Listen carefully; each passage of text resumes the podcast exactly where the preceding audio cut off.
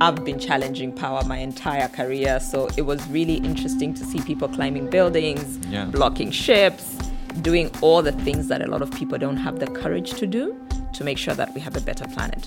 Because for me, as an African, it's been very difficult to have the climate conversations. Very, very difficult. Because I keep asking the West developed by killing our planet. Mm-hmm. Africa is just starting to develop. How do we make sure that we're not being penalized because of all the sins of everybody else that's now at a level that we are aspiring to get to? Yeah. So it's a very difficult conversation for me, and that's why I believe technology has some of the power to make sure that we can still continue developing while taking into consideration the environment. This is season one of Meaningful Design, a show about fire starters, sparking initiatives that have a lasting impact. It was formerly known as Verwondering, an award winning Dutch design podcast. Now we're bringing it to the international stage in English.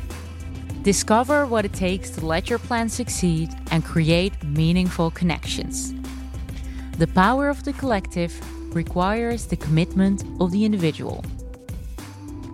In every episode, Harald Dunnink, founder of design studio Momkai and co founder of journalism platform The Correspondent, talks to other designers, creative directors, artists, and entrepreneurs about the impact of their work.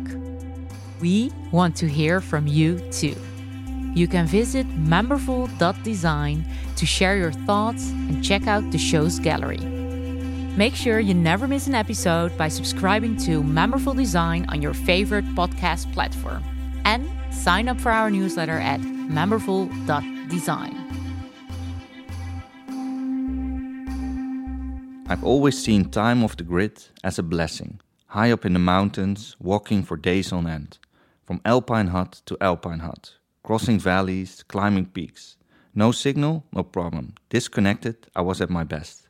But what if you never connected in the first place? What if you can't chat to a close relative, learn through a YouTube video, or call team members remotely via Zoom? How remote are you then from the modern experience? According to the UN, way over 2 billion people, or more than a third of the world's population, have never used the internet, despite the pandemic driving people online.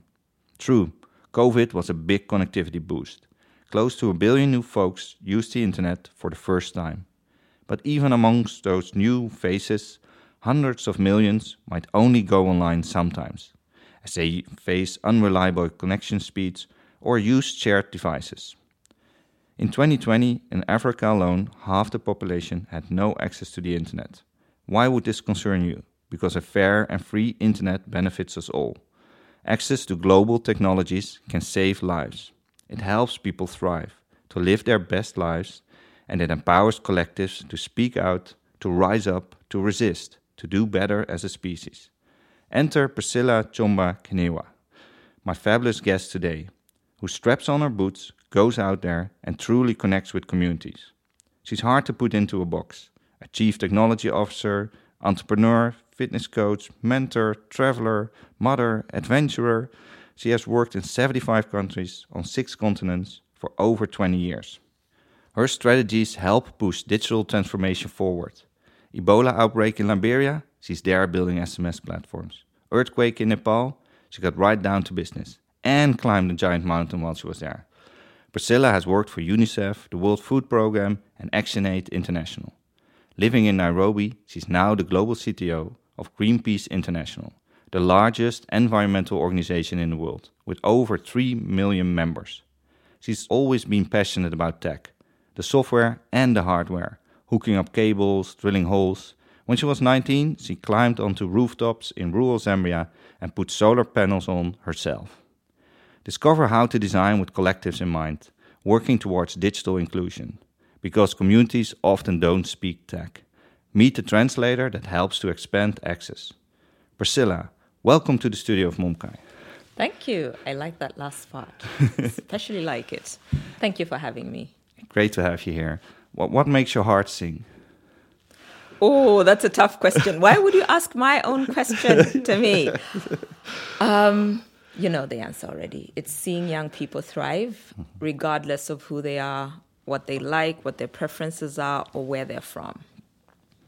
Being from Zambia myself, I'm always, and having worked in the development sector, I'm always really keen to see how globally technology has made it very easy to see that a young person in Zambia is quite similar to a young person in mm-hmm. the Netherlands, even if they're very different and coming from very different contexts. So for me, seeing that connection really makes me happy. You have a background in tech. Uh, you used to be uh, a biggest advocate of technology as, as just an enabler, and you have moved beyond that stage. How did this change of you came about for you?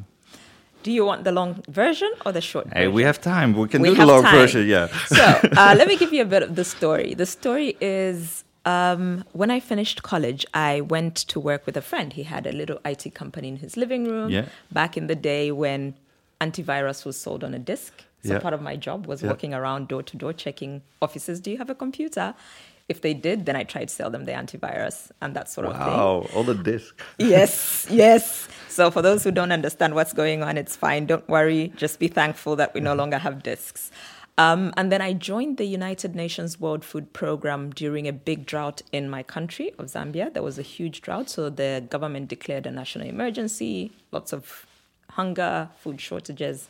I was 19, loved the job. It was a lot of, like you said, climbing on roofs to install solar panels, drilling holes through walls to run cables, all of the things that an IT person does.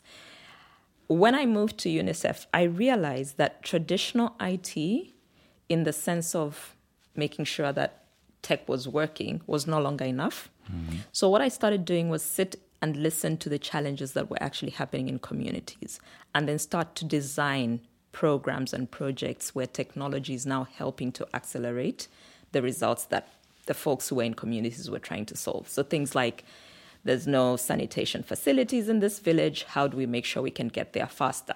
Young people are getting uh, exposed to HIV and AIDS at a really alarming rate. How do we use technology to help slow that down? So, very different way of mm-hmm. looking at technology rather than just infrastructure, but more designing programs that work for communities and solve big challenges. And is the core in that also just simply talking with people, going to people? A lot of it is listening. So, not even talking, more Yeah, oh, listening. yeah, yeah. So, more what are the challenges? And once I hear the challenges, the question becomes is there potential for tech to just shift something? We all understand the power of technology. So, for mm-hmm. example, we have a remote area that's very hard to reach, but we need to check the progress on facilities that are being set up there by the local communities themselves. So why not put tablets in the hands of chiefs and they can send the data real time?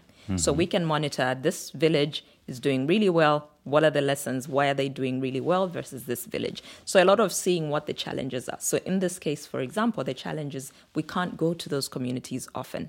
It's too much. But if we can get the data real time, and this is back in 2000 and I don't know, five, six. Yeah. So something like that is really transformational in the way you get results faster. So that's sort of my passion, making sure we understand how technology can solve real world big challenges.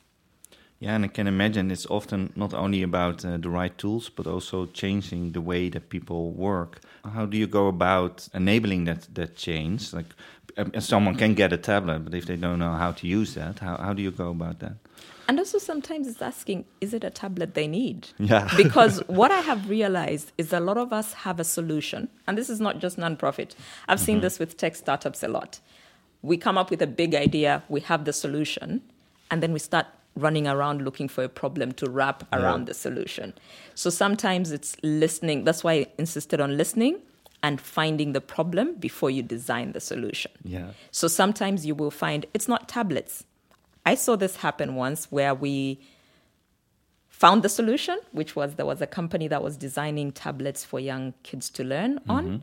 And so we loved the idea, ran into the community with it, and within a few months, re- weeks, really, there was no electricity in that place. So what are we Could doing? never charge. it will never charge. They will use it for like the week that the battery life will last, and then it's over. So sometimes wrapping a solution around a problem doesn't really fix anything. We did eventually go back with solar panels, but we could have designed it better from the start. to have the solar panels come with it, like to Yes. think of the energy source and the tool. Yes. Yeah. And then we also realized that while we were there, we started to realize these kids are using these tablets for 15, 20 minutes a day, mm-hmm. and then it's a waste of everybody's time. So we actually then redesigned to make their mothers start learning financial literacy on the same tablets. So sometimes listening and finding other problems that you can solve is really a big thing in the line of work. I'm constantly thinking, sure, we've solved one problem. What else exists? How can we change things? How do we shift things? And a lot of times, we've implemented tech, tech solutions. They haven't been perfect from the start. Yeah. So we always have to constantly iterate, constantly change, figure out what we're getting wrong, what we're getting right. And do you have then teams that go about that? Like, do you have like uh, people in the field, people in a, in a main office? How how would you go about that? Well, so it depends on the place where I'm working. Yeah. So, for example, in Greenpeace, we have very big technology teams. So, we have people who are actually in different places. And it doesn't have to be the technology team. Mm-hmm. I always say the technology team can provide the infrastructure, can help design the solution, but there are other teams within the organization. And one of the big challenges a lot of organizations have, particularly nonprofit, is silos. I think this tends to happen in others as well, but it's a particularly big problem for us. So the people who are working Or on separate water, from each other? Yeah. totally yeah. separate. Yeah, The guys yeah. working on fixing water problems in some community are not speaking to the tech folks, Yeah. so they don't even know the possibilities that Yeah. exist. The tech folks are too busy fixing the internet or whatever they are fixing, so they don't know that there's a challenge that they can contribute to. So I find that part of my role is always how do we start to collaborate better? How do we start to create visibility around what everybody's doing? And even now, Greenpeace has a very big technology ambition, mm-hmm. and that's one of the work streams we're having breaking silos how do we make sure we're collaborating and having visibility into different things so normally when people see technology they see Yeah. you know infrastructure coding and so Yeah. on but whenever i see technology i look more at the cultural aspect of how the organization is working because i don't think technology belongs to a department Yeah. in this day and age everybody should be a technologist in any organization Yeah, exactly. It's uh, it's the same as that everyone has to think about communications and media. Exactly. Everyone's kind of like a media company. Exactly. Technology is is uh, kind of similar. I worked a lot with uh, developers and with CTOs, and uh, often I uh, also try to uh, get them to really talk about what they developed or how Mm-hmm. it can help someone, which is a challenge in itself because it's quite abstract to people, and naturally people kind of have like an anxiety uh, listening to uh, anyone from a tech background. Um, um, uh, I can imagine you have the same when you try to teach people the how to use these new tools that yeah, have anxiety. Do I have to learn something new again? That's a challenge in itself, right? It's a big challenge. So when the pandemic um, just hit, I was working with ActionAid International, and that's one of the big considerations we had. Is all this tech that we're throwing at people creating more anxiety for them? Yeah. So we actually stripped back and said, what do people need? Mm-hmm. And then we had a whole program around education, not just how do we use Microsoft Teams or Google Suite or whatever you're using, but how do we also encourage the softer skills around the use of technology. Mm-hmm. How do we make sure that people are comfortable, that we're not adding more? So we actually stripped back and just removed some of the tools that existed already mm-hmm. and kept it to a suite that was going to increase everybody's productivity and also added in a layer of having somebody specifically who was somebody people could reach out to and say, I'm really uncomfortable with this tool. How do I learn to use it? Yeah. So that really helped reduce the anxiety because we do tend to think tech, Yeah. throwing tech at people will solve problems. No. Sometimes it doesn't. No, you you get overwhelmed, or Yeah. I think one of the things uh, I think it was when you were at uh, Action Aid. What I also loved is that you had this rule to not. Uh, I think during the pandemic to not do uh, any calls on a Friday. That's the same kind of way to go about people respecting their mental health and Yes. also getting time to yeah soak up new information or Yes. yeah uh, learn. I, I find that very important because we're constantly connected. Mm-hmm. And now with the pandemic, what happened is everybody was having Zoom calls 24 7. Everybody was calling you for a meeting. Yeah. As soon as you got off those meetings, you now checked your WhatsApp to see what your family was Yeah, up yeah, to because yeah. you couldn't see them. You were being invited to different groups. So at some point, I just made a rule of on Fridays. Do not speak to me. It is the time I used to think. It is the time I used to deal with things that are pending. And I still have maintained that. To this day, I have a no meetings Friday policy. Unless it's really urgent, you will not find me in a meeting on a Friday. Ah, that, that's a great takeaway. We, I think we can all learn uh, learn from that. You've been also in situations where it's much more about a crisis. Um, for instance, um, you've been with uh, the Ebola outbreak in Liberia in 2014, doing a project there. What do you encounter? Like, I can imagine you have to make rapid decisions. Working in an emergency context is something that is a very interesting experience because when you're in the moment, you don't feel the pressure. When it's over, is when you now start to feel the anxiety. So for me, it was a question of there's an outbreak of Ebola this was 2014, 2013 or 14, somewhere.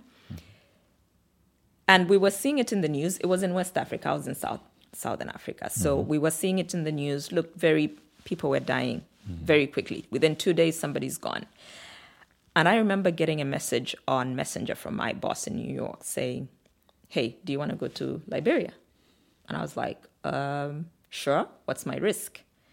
And he said, Well, you're not a medical personnel, so you won't really be exposed. And I was like, yeah, sure. And he was like, I knew you would be the only one crazy enough to say yes. Yeah. And then once I'd said yes, I was like, what have I done? I have two kids. I could die. But um, I landed, and it was a very interesting situation. You were sanitizing everywhere. Now we've had COVID, so I yeah. guess that wouldn't be new, but this was very new to me. You worked at the UN uh, for the yes, UN, right? I was yeah. with I was with UNICEF at the time, and so we landed in Liberia. It was me and two others from UNICEF. And that for me, and I'll tell you a story now, that for me was a very difficult post looking back. It was a very difficult experience. Not in the sense of me being there, it was fine. Somebody had to, had to do it. I remember my children asking me, "Mom, there's Ebola. Why are you going?" And I said, "Well, somebody has to go there to stop it from spreading elsewhere." Wow. And that somebody yeah. might as well be me. So that for me was not the tough part while I was there. The tough part was what I had gone to do didn't actually work. And it was a very big lesson for me because we had built this platform in Zambia. So I worked with a brilliant software developer. We built this platform that was an SMS platform, mm. solving the challenge of young people not accessing sexual reproductive health rights because they can't culturally Mm-hmm. As a young kid, you're 13, you shouldn't be talking about sex. Mm. You're 14, why are you talking about sex? Wait till you get married. But we understood that they were having sex. So, how do we provide them a safe space to have these conversations? And how do we understand what's going on so we can reduce HIV infection rates? Mm-hmm. So, this SMS platform was free to young people, worked with counselors, trained counselors on a 24 hour basis. The counselors had a history, so even when they changed shifts, the young person couldn't tell the shift has changed. So they would have those mm-hmm. conversations. Mm-hmm. We'd then apply artificial intelligence and machine learning to whatever messages were coming in to pick mm-hmm. out themes. And then would also poll the young people on those themes.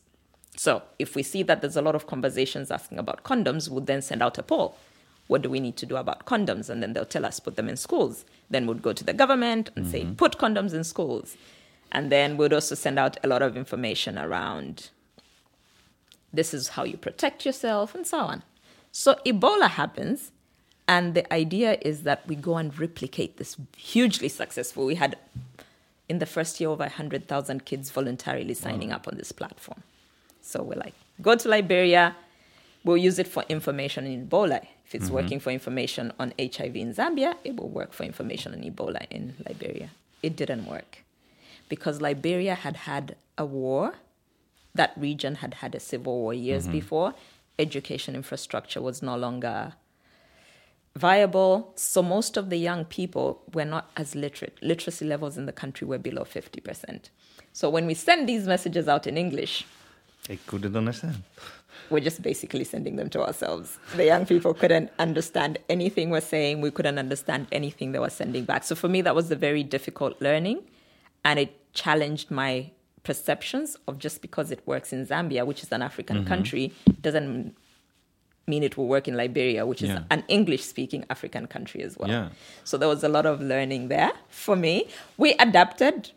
We decided to go offline went into the communities. So I have amazing Oh. photos of playing football with the kids Yeah. in the communities. That was Ebola, but it was fine. So then we'd have the conversations in person. Yeah. So we shifted and then we ended up building a different platform for health workers, which was a lot more useful in the end.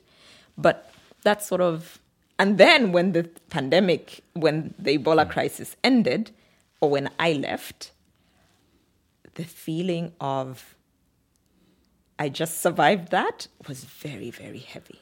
Yeah. So for me, whenever I go into an emergency context, when I'm in it, it's action, it's go time. Yeah. I don't feel anything. But as soon as I come back, it's always really difficult and I have to take some time to process what just happened and then start to deal with it. And also you're meeting real humans. So for example, with the Syria war, mm-hmm. I went there, I was training Syrians on data collection using digital tools. And some of the people I met were amazing. We had somebody who was a surgeon, and he's now working as a volunteer to collect data because basically his hometown has been blown up. And when I went back a few months later to do other trainings around innovation, he'd actually gotten on a boat and gone as a refugee to Europe somewhere. This is a surgeon having to move as a refugee, probably getting really bad treatment. So for me, those are then the difficult moments. But And I can imagine have to do. those difficult moments also empower you to Oh, yes. to you, you uh, yeah that you know the purpose for what you are doing it for. I don't know if you've seen my LinkedIn profile. I don't think I'll ever change it because I'm standing with a lady that's in her 80s Yeah, I've seen it. from South Sudan. And she had walked alone because her kids had died. So she'd walked alone for miles, I don't know, from South Sudan to Uganda. And that picture is when we just finished setting up. She'd been sleeping under a tree, and we just finished setting up a shelter for her. So for me, those are the moments where I'm like, I know why I do this work. It's really grateful work to to do. It's great. It's amazing when you see some of the stories, especially when you go back and you find them thriving. They've started a market, store, Yeah. or something. So it is really interesting. how do, how does your family deal with it when you go out and about again? It's very difficult for them. I remember when I was going to Liberia, my dad had a whole church service held in our house, like somebody just to pray that everything goes well. So I think it's very difficult for them. Mm-hmm. But they've accepted that this is the path I've chosen, and I quite really enjoy it. yeah, So I think everybody's really very supportive. yeah. Of course, they wish the best for you. Yes, They- and they know that yeah. I thrive on this, so they they just hold their breath and I hope I come back. But I always I always do check the risks, Yeah, and somebody has to do it. yeah. That it's it's uh, it's always good to to feel that power to to help communities to to get them uh, uh, connected. Um, um, these organizations where you're in, I can imagine it's it's um, how digitally mature are they, or are you are you there also really to push the envelope? Yes. So, for example, when I left UNICEF, I joined a Danish NGO, and that was part of the work. It was making sure that we start to create an innovative mindset. So, it was a lot of design thinking workshops. Mm-hmm. How do you get more creative? You've been planting beans for the last 20 years. What can you do differently? So, I did do quite a lot of work around changing the mindsets, and this was in about 22 countries in Africa, Asia, and the Middle East. And it was very interesting to see how excited grown-ups get when you take you know you have a workshop where you just have like legos and you have all these straws and plasticine and figure it out build something new Yeah. it's always exciting to see how people who are used to sitting behind their computer suddenly get very creative once you allow them to just step out of the computer and Yeah. work with their hands Which is a nice irony coming from the CTO. I know. I am that person. I am. I call myself the least techie tech person you've met. I always say technology should not be what's driving you. It should be mm-hmm. what you're, the problem you're trying to solve, and then technology will be the thing that enables that to be achieved much faster. Hmm. So I always try to pull people back from the tech a bit Yeah. to avoid that problem I talked about earlier of finding the solution before you've defined the problem. Yeah, and I can imagine it, it. There can be a challenge within one organization, but if you come into a community, often there are different organizations already working there. uh, Maybe five different. They all, uh, yeah, think it's important what they do. They all think the digital skills are important. does it ever happen to that those organizations do you get them aligned? Is there a joint plan? Yes. Uh, how, how how to go about that? That is one of my biggest frustrations is when everybody's designing based on their own organization and mm-hmm. not on the user. Mm-hmm. And I remember posing this question when we were in Yumbe refugee camp because we had all these different organizations landing and we're all looking at how do we set it's a refugee camp it's brand yeah. new there's yeah. nothing so we want to make markets thrive so some of the work i was doing there was around e-cash and making sure that markets can develop people have access to things so you create a sort of local economy within the camp exactly yeah. Exactly and to do that you sort of want to enable you want to have tech you want to be sure that people can make payments on mobiles mm-hmm. and that sort of thing but we were going around, so my organization was going around asking for, what's the price of your tomatoes? And then the next guy would come, what's the price of your tomatoes? And then the guy from the other organization would come, what's the price? That is such a horrible experience for that person. It is terrible. The other thing we'd do is go and collect data. So mm-hmm. I show up, I'm putting up shelters, and I come and I'm like, what's your name? Yeah. What's, do you have a spouse? Are you married? Yes. How many kids do you have? What's your address? and we ask a bunch of questions. The next guy providing water comes and asks the exact same questions. The guys providing you maize and beans ask you the same questions. The guy from the clinic, it is crazy. And I'm thinking if you were sitting in your house in Amsterdam yeah. And somebody from the government knocked and asked you all these personal, very personal questions like, do you, are you married?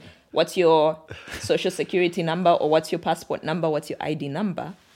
And he left and he said, Oh, I'm from the Department of Health. And then another guy came in and said, I'm from the Department of Water. What's your name? What's your spouse? Are you married? How many kids do you? You would not, you would not tolerate that. So why would you then go into a refugee camp and think it's okay to do this to these people? So eventually we did manage to align at least on the market price information because we were checking the prices all the time. Mm-hmm. So at least we managed to align with about four or five organizations and would one of us would go out, collect the data, and then share with everybody else.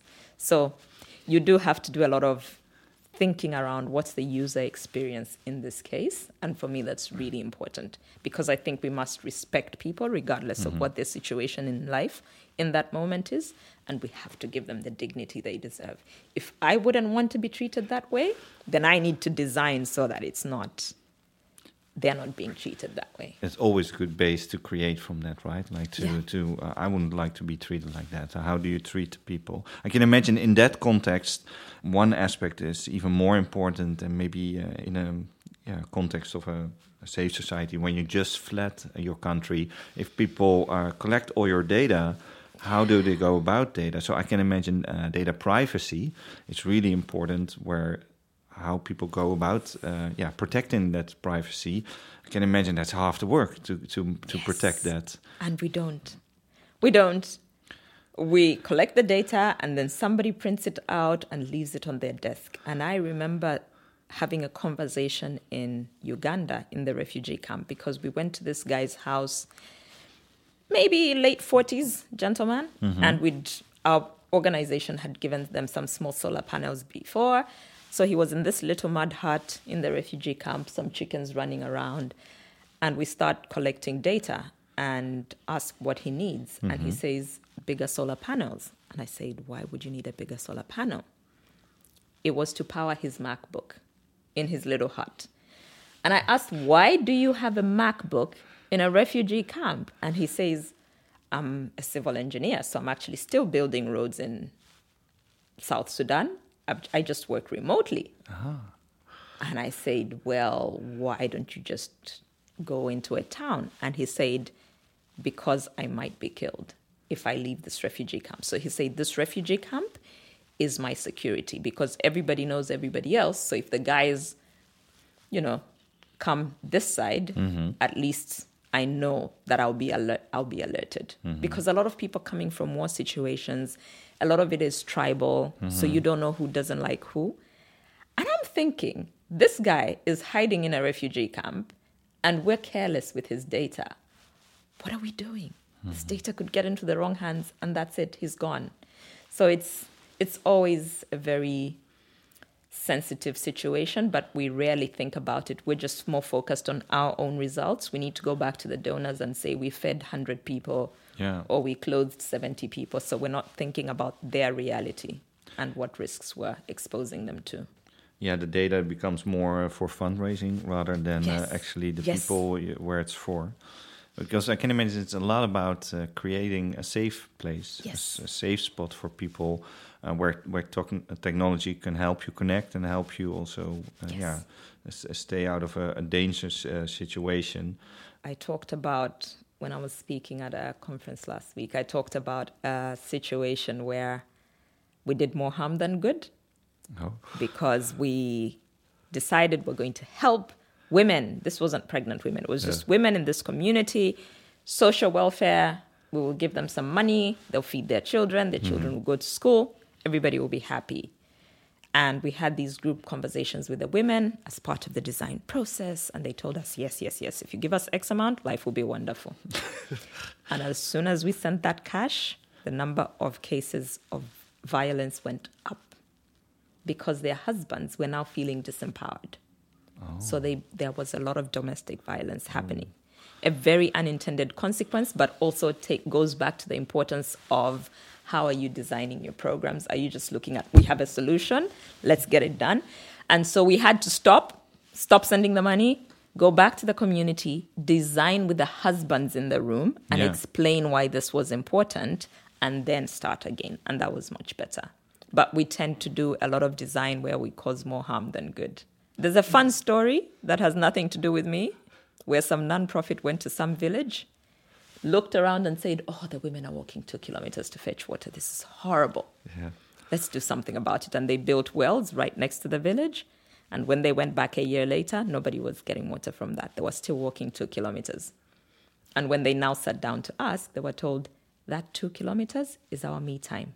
Yeah, That's yeah. the time we have to catch up. That's the time we have to, you know, breathe. When we're at home, we're doing chores, we're taking care of the kids, we're looking after our husbands. So sometimes we find solutions that nobody wants.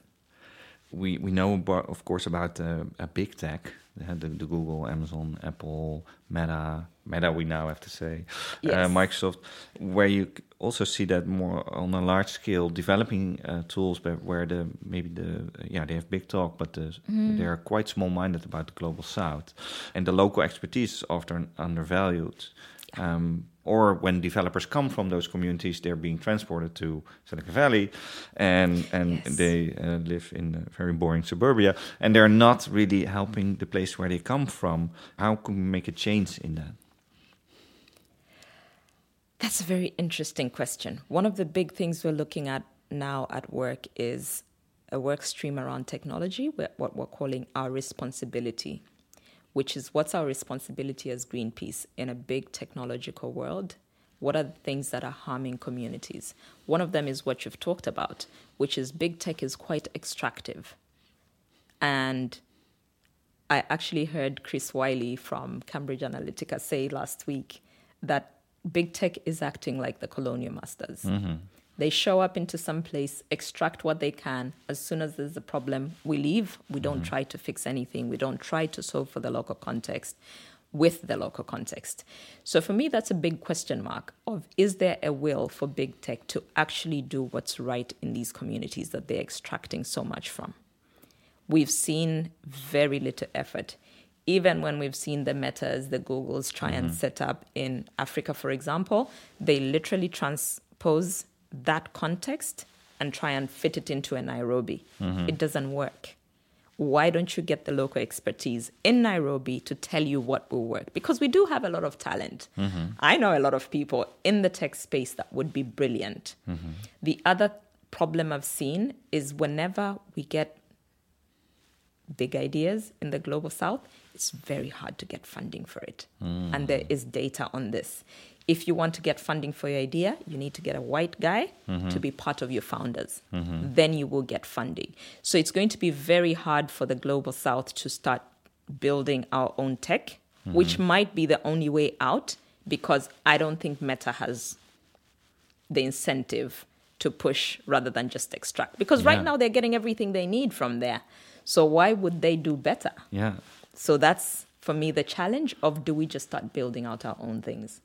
That's always uh, a big challenge, of course, the funding. Uh, we um, yeah. at the correspondent, the journalist platform, uh, one of the correspondents also found out that if you put uh, migration somewhere in the story, yes. then you get funding out yes. of Europe.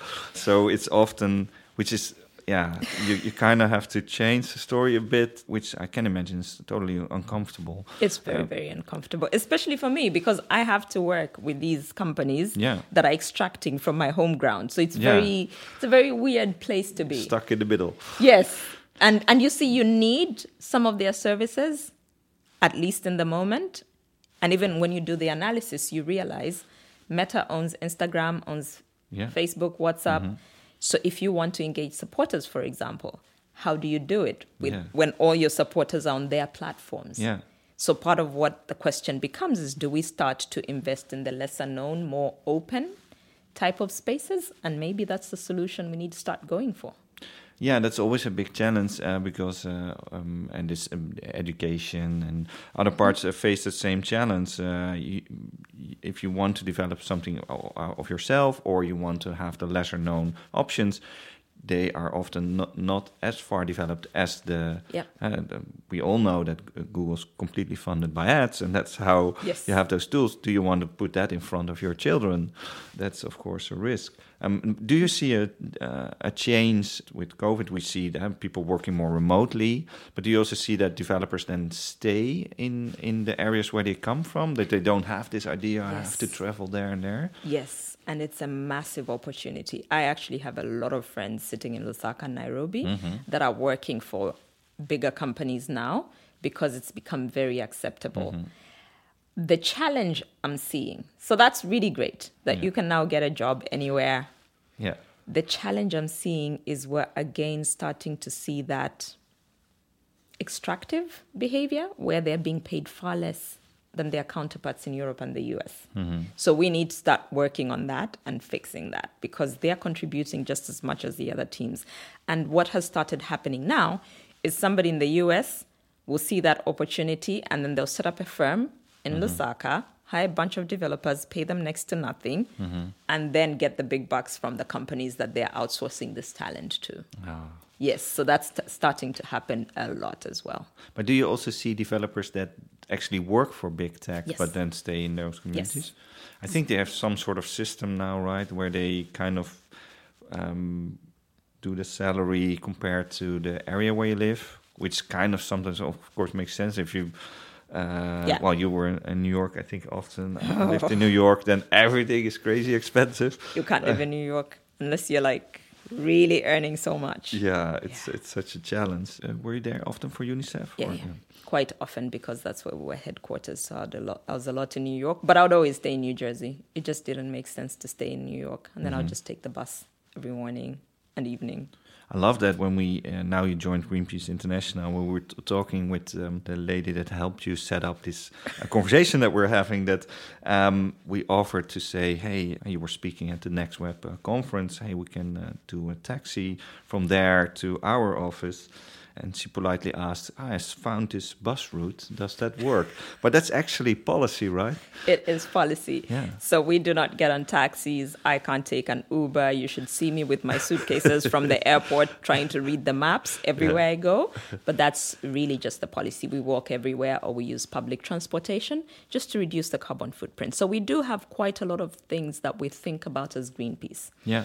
Because you can't really have zero carbon footprint, mm-hmm. but we try our best to think about how can we reduce. So it's things like really making sure all the accommodation that we book for ourselves are thinking about being eco-friendly. Mm-hmm. We do not have meat as part of our diets when mm-hmm. we're on mm-hmm. official duty.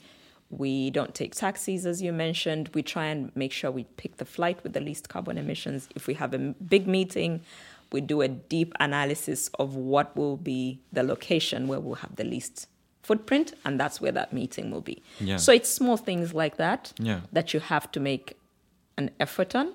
And I mean, it was really nice weather here, so walking here wasn't so bad after all. yeah. Um, of course, I have to issue a disclaimer that it gets a bit difficult when you move to like Africa, where the infrastructure, the public transport infrastructure, for example, is not as developed. So, but even there, you have to think, what's the best that I can do?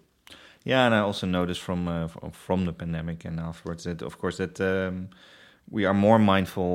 Should this be the meeting be in real life, or could this be the Yes. video call? Or um, I I do believe for for for yeah real in depth conversations, I really love uh, in in real life. But I can imagine it, it. Then it's also a bit. You can feel conflicted because you you travel a lot, you fly a lot, Yes. which is then uh, yeah kind of offsets all the other stuff. So um, Yep. uh, So it's always for me a big calculation. So, for example, I was coming on this trip to Amsterdam. So I tried to combine everything I need to do here into the two weeks that I'm here. I was meant to come back in July, but now I won't. I'll join the meeting virtually because it doesn't make sense for then for me to come back Yeah. after so much. So yeah. it's always a give and take. And even when I talk about how we're looking at technology and, and its impact on climate, it's always a very difficult for me conversation for me as a CTO to have because we have all these servers everywhere, we have Mm-hmm. Yeah, all this yeah, yeah. data everywhere, power that it needs. and it needs a lot of power. So it's one of the things we're thinking about. So we have like an aggressive drive to reduce how much data we're storing. We are making sure that when we look at technology partners, we look at their sustainability policy. Are they running their servers on renewable sources of energy? So it's a lot of thinking through some of those things that we can change. Otherwise, data will be the new oil, and then Yeah. Oh. Yeah. Um, but so how, how do you go about then to finding that out of companies that you work with? Is that like a questionnaire or do you have like places where you can go to? Like how could we how could we check another company to see not only maybe their financial status but also their carbon uh, footprint? So you do actually have organizations that publish some of this information and they do some of this research. I can't remember any uh, from the top of my head, but if you look it up, you can. And in some instances, we do our own analysis in terms of how much data we're storing, what then does that mean, and we have explicit policies where we can't work with certain technology companies simply because Oh, is it? Okay. Yes, because we don't believe that they're doing enough mm-hmm. to move towards clean energy. So then we have some really big tech companies that would love to work with, but until we're convinced that they're doing the best they can, we simply can't. So we Yeah. find alternatives. Yeah, it's what you call the uh, ESG, right? So the Yes, environmental, social, and governance credentials. Yes. And so that's everything from a carbon footprint to board diversity. Mm-hmm. And that becomes like a vast amount of data about a company. Yes, it is. About its strengths and weaknesses, operations and personnel. But different firms also count as different. So this Yes. becomes some sort of, yeah, magic how people then, uh, yeah, up the numbers and see like, hey, we're doing really well. And what we see with tech companies Yeah. is, oh, we're planting some trees.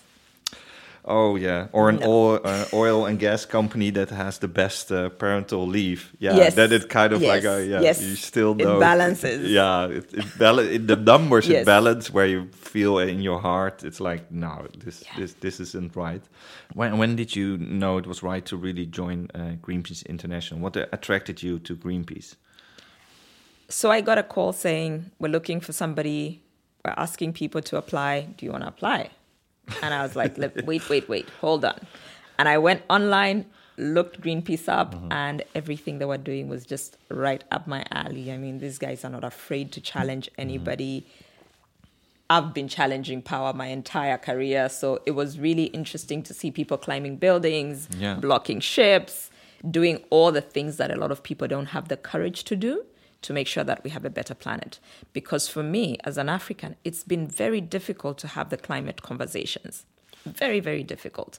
Because I keep asking the West developed by killing our planet. Mm-hmm. Africa is just starting to develop. Mm-hmm. How do we make sure that we're not being penalized because of all the sins of everybody else that's now at a level that we are aspiring to get to? Yeah. So it's a very difficult conversation for me. And that's why I believe technology has some of the power to make sure that we can still continue developing while taking into consideration the environment. Yeah, and of course you you stand for digital transformation, uh, but there should be time to transform, right? It's- Exactly. you see often that uh, Western countries then say, "Oh, you should be doing this and this Yes. like that." You're like, but how did we still have to have to make certain jumps, of course. Yeah. Uh, I really like with, uh, with Greenpeace this idea of mind bombs. I think Yes. uh, one of the co-founders, Bob Hunter, uh, coined that. A best thing in a revolution is a change of consciousness. I think a lot of people, if you talk, and and we said like, hey, there will be a gallery with this podcast, and you can find things on uh, verwondering.com. Did you, uh, yeah, have a, really have a mental image also about the things that Greenpeace does with the boats and really going about that? Mm-hmm. So really visual things that that uh, reach your heart and, and and make you think again. I can imagine technology part can sometimes be challenging that like a boat going out about uh, is really a visual big thing um, um, are you thinking about the visual part of your part of the organization Yes, but I can't tell you about some No, of secret because stuff. obviously I need to save the surprise for when you actually see it happening. okay but you're working But- on the campaign Yes, we are working on some campaigns in the digital space. We're trying out a couple of things this year and next year. Can't really talk about them yet. But um, I mean, it's also things like what Greenpeace UK did during um, one of the big meetings, the G7 summit, where we had drones that formed, you know, the endangered species, different animals, and then eventually sort of morphed to form a message that we wanted to deliver. So for me, it's also visuals using things like that. I think that display was really good. I hope you can look it up and find Yeah, some yeah, good yeah. images for the gallery. We, we we put it right in there um, Yes. No, but it's a, it's a good way. It's also criticized for that, right? Like it's only this visual, impactful stuff, or focusing on the whales where the sharks are even more endangered. But people think sharks are dangerous. You get better funding for whales. Um, but on the other hand, like also growing up as, as a kid, seeing those images really is one was one of the first things. Double uh, together maybe with WNF or Yes. other organizations that really would stuck in your mind to think Yes. like indeed, like you say. Um, go about, do something dangerous that someone else doesn't do, um, which you, of course, already proved by going to all these different uh, places um, of hardship where, where people uh, needed that Yeah. that help. And I think it's important for people to realize you're in media and design. It's mm-hmm. important for people to realize that even when you're seeing that whale, there's a lot happening in the background. Mm-hmm. So sometimes we're criticized for presenting this one thing when this is, mm-hmm. but the actual work that's happening is taking care of everything. But you can't throw everything at people and hope the message will stick. No. So you have to be very strategic in what are we communicating that will get people thinking about this particular problem. You can't put everything out there. Mm-hmm. I mean, even when you're in tech, you're not going to tell everybody every line of code that you built to make this program No. work. You will show the program working. So I think it's a similar scenario where everybody's expecting us to talk about everything that's Yeah, very yeah. personal to them. But it's a case of we are putting this message out to create awareness, but in the background, we really are working on very many different things. I think this is often a challenge in activism, and, um, and because you want to have the science right, and when you talk to science people, everything is very nuanced, which totally makes sense. But you kind of have to make simplify it to yeah to design a story that people can get their heads around. Yes. And you can't you don't want to overload them or with the climate crisis get people in that kind of frame that they think you can't do anything about it, which Exactly, is which it's is too bollocks. big. Yeah, it's too big, too which is no, it's not. And I worked on climate in Zambia, and I was telling somebody, you you put a polar bear in front of a Zambian and say, "Oh, save the polar bear." Nothing will land. So you have to think what actually works. If I walk into a community and say, as a young person, and this is something that young people I was working with would do, they would say, as a young person, I can't go to school now because we have no water in the dam, we have no electricity, we haven't invested in the right type of electricity. Mm-hmm. So my father's barber shop closed. That's where we're getting the money from. Climate change is real, then it connects. Exactly. That's the sort of story you want to tell in that context.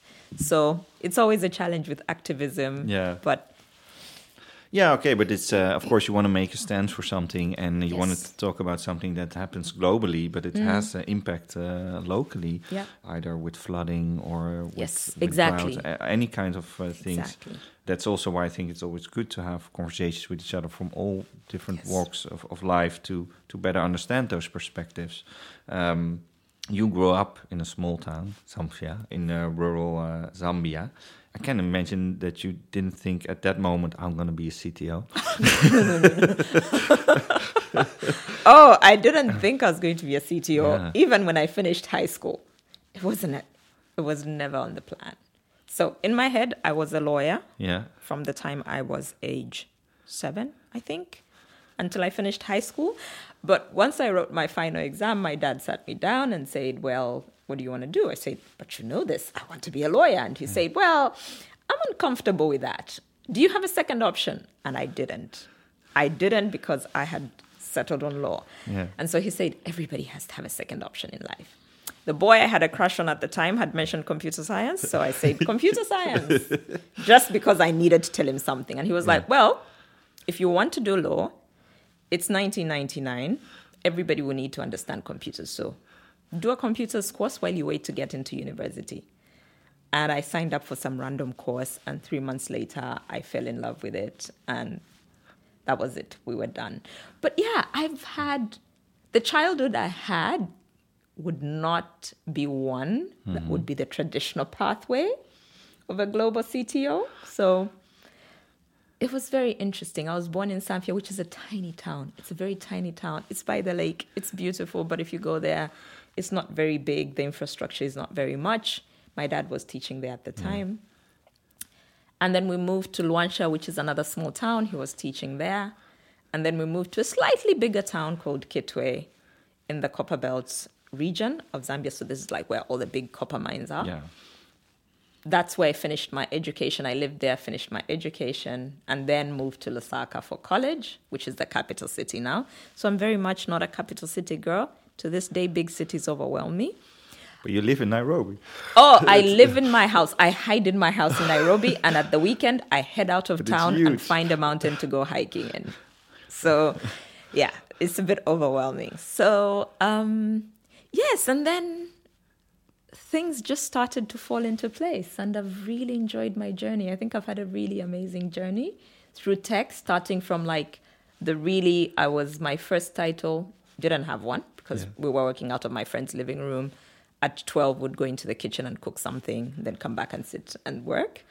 But then with the with the WFP, I started as IT assistant, which is like the lowest you Yeah, could start. yeah. So I've loved going through everything. And now when I speak to anybody in my teams, I can sort of relate to where they are based on that experience that I've had over the years. Yeah, that's always good to have those uh, really perspectives if you started at the bottom. Uh, my wife is a doctor, and I'm always amazed seeing how, in that line of work, they make you in the training also go to like uh, elderly people home. You have to work there. You have to work with the mentally ill. You have Oh, to. wow. Uh, she is pregnant now, and she's Yes. she is uh, working now at the emergency center. So that's the last place we, we she and I would love her to be there. But but it's I always find it inspiring um, because I think it's um, yeah for for anyone in leadership or Yeah. anyone creative, like you said at the beginning. You have to talk and listen to people in these different environments, and I think in a medical setup they have already have a system in place where you have to do that for six months here, six months there, which yeah gives you a better mm. understanding of the challenges of these of these these other roles as as they have to work together. Yes. One of the challenges I see is you get somebody who's coding in a corner, loves it because you don't know what to do with him. He's so talented or she's so talented. You promote them to manager and they have no skills to do that work.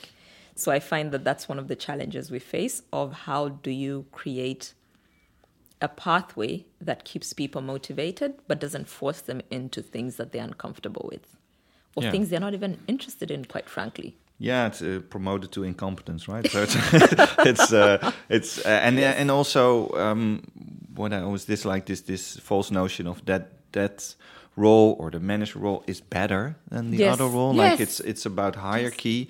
Just as a company that always has to have a certain size of people and should always be growing and should always be more people. When I think like is th- are those Yeah. are, are are those measures of growth are they always the best to uh, actually evaluate what's meaningful to someone So then I want to ask you a question as a designer. How do we redesign this?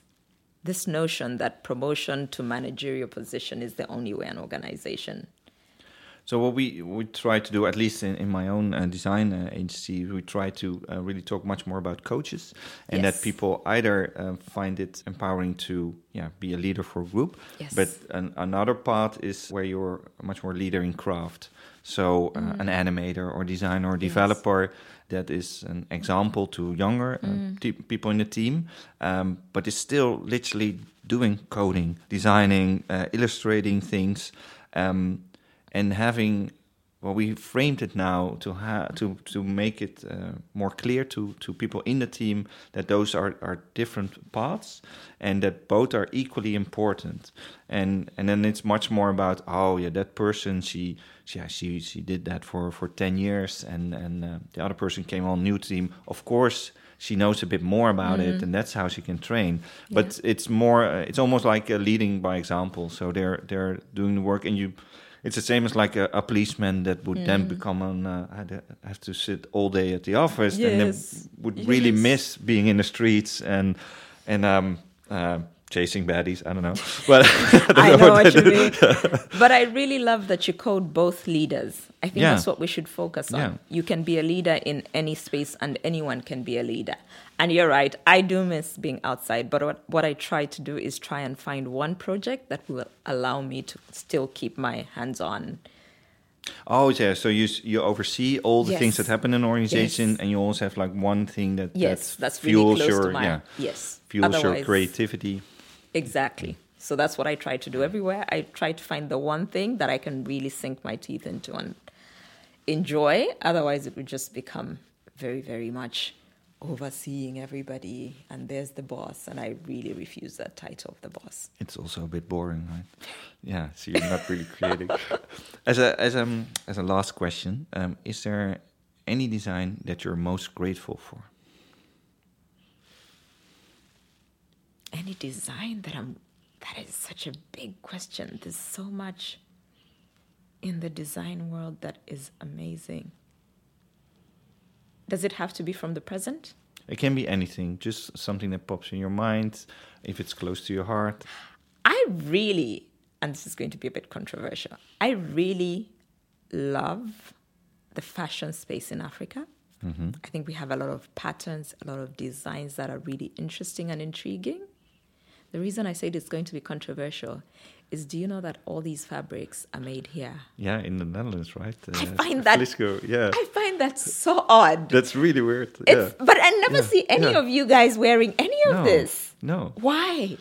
Yeah, I was I was amazed. I think it's, it's called Vlisco, right? Yes, Yeah.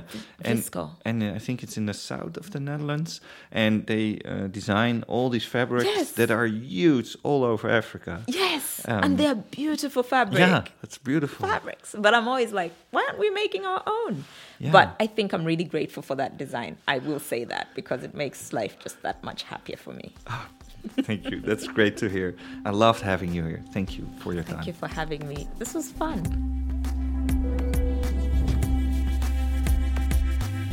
Hi, I'm Brenna Foster, part of the team that works on Meaningful Design. We hope you enjoyed this episode. Now, we want to hear from you. We're researching what makes communities, memberships, and movements so powerful. Or, in short, how to better design for belonging. You can help by sharing your own experiences in our first listener survey. Go to meaningful.design slash community or click the link directly in your show notes to complete the survey. It only takes a few minutes to share your wisdom and it's completely anonymous. Even better, we'll share takeaways on a future show. So keep listening and let's learn together. Many thanks from the entire Meaningful Design team.